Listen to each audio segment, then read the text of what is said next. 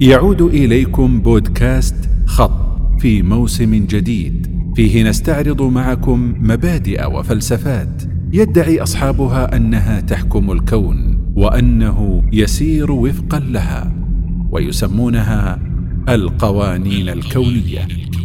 فما مدى صحة هذه التسمية؟ وهل تحمل هذه القوانين عقائد تهدد سلامة التوحيد؟ انتظرونا.